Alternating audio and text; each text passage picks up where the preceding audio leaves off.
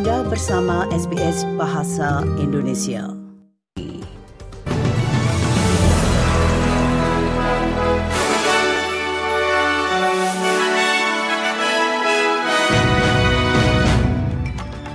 Warta berita SBS Audio untuk hari Senin tanggal 26 Februari. Sari berita penting hari ini, Tuvalu umumkan presiden barunya. Premier New South Wales, Chris Minns, mengatakan tugas Komisi Khusus Penyelidikan Kejahatan Rasial LGBTIQ belum selesai dan dalam olahraga, Ben O'Connor gagal meraih kemenangan di Tour UAE hanya dengan selisih dua detik.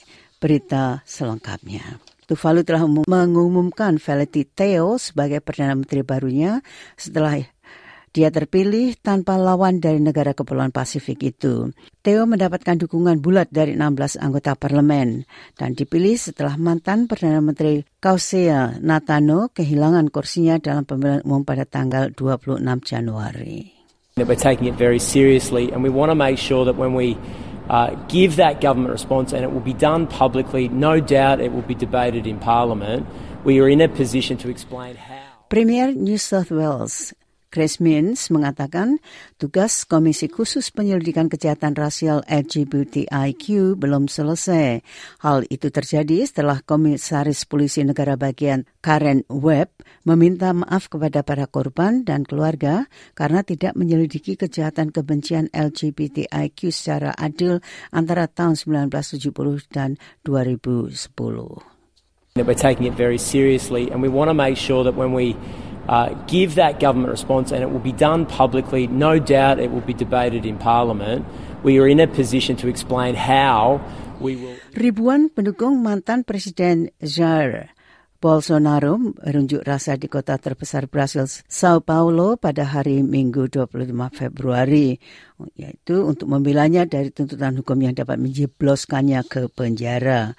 Mantan Presiden Konservatif itu mengatakan unjuk rasa setelah menjadi sasaran penggerbekan polisi awal bulan ini untuk menyelidiki dugaan upaya kudeta.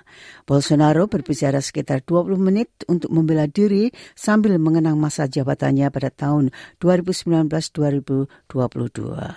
O que, na rua. They continue to accuse me of a coup. Now the coup is because there is a draft of a state of emergency decree.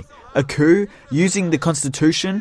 Have holy patience. A coup using the Constitution. I make it clear that the state of siege. Akhir dari pemeriksaan koroner yang telah lama dilakukan di Northern Territory atas penembakan dan kematian remaja pribumi Kumanjayi Walker sudah di depan mata setelah insiden tersebut terjadi empat tahun lalu.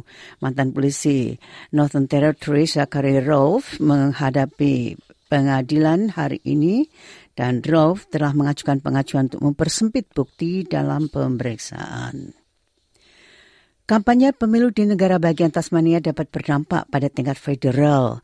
Pihak oposisi Partai Buruh di Tasmania mengatakan jika mereka memenangkan pemilu tanggal 23 Maret nanti, mereka akan menggunakan pilihannya untuk menjual 17,7 persen saham Tasmania di konektor listrik kabel bawah laut Marinus kembali ke pemerintah federal. Jalur Marinus disebut-sebut penting bagi Tasmania karena akan meningkatkan kemampuan negara bagian tersebut dalam mengekspor energi ramah lingkungan dan para aktivis kanker telah menyuarakan kekhawatiran mengenai kurangnya layanan diagnostik publik bagi pasien kanker payudara di Tasmania. Jaringan kanker payudara di Australia mengatakan mereka sering mendengar cerita tentang perempuan yang memiliki gejala tapi tidak dapat menghubungi sistem publik untuk memeriksakannya. Sementara itu di Senegal, para kandidat memberikan suara mereka dalam pemungutan suara simbolis yang dirancang untuk memprotes penundaan pemilihan presiden.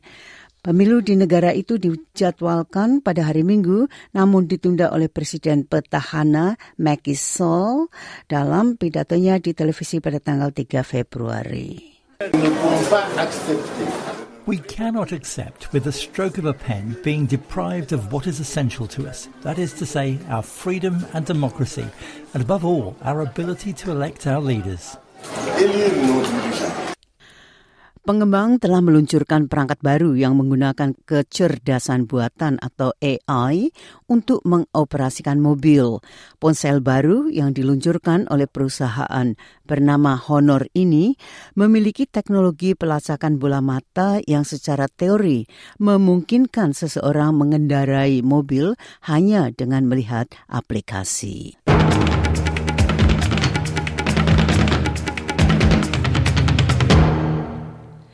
Dalam bidang olahraga, pembalap sepeda Australia Ben O'Connor di Tour UEA kehilangan posisi teratas hanya dengan selisih dua detik dari Leonard Van Eetveld.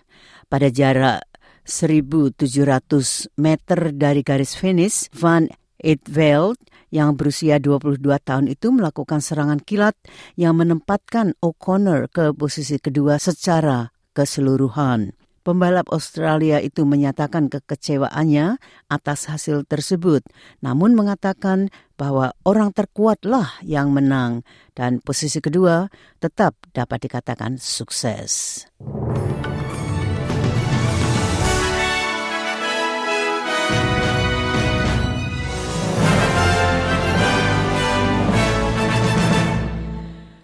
Sekali lagi seri berita penting hari ini, Tuvalu umumkan presiden barunya.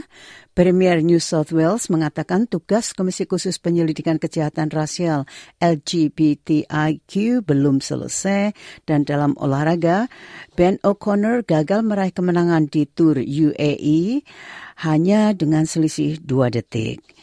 Sekian warta berita SBS Audio untuk hari Senin tanggal 26 Februari.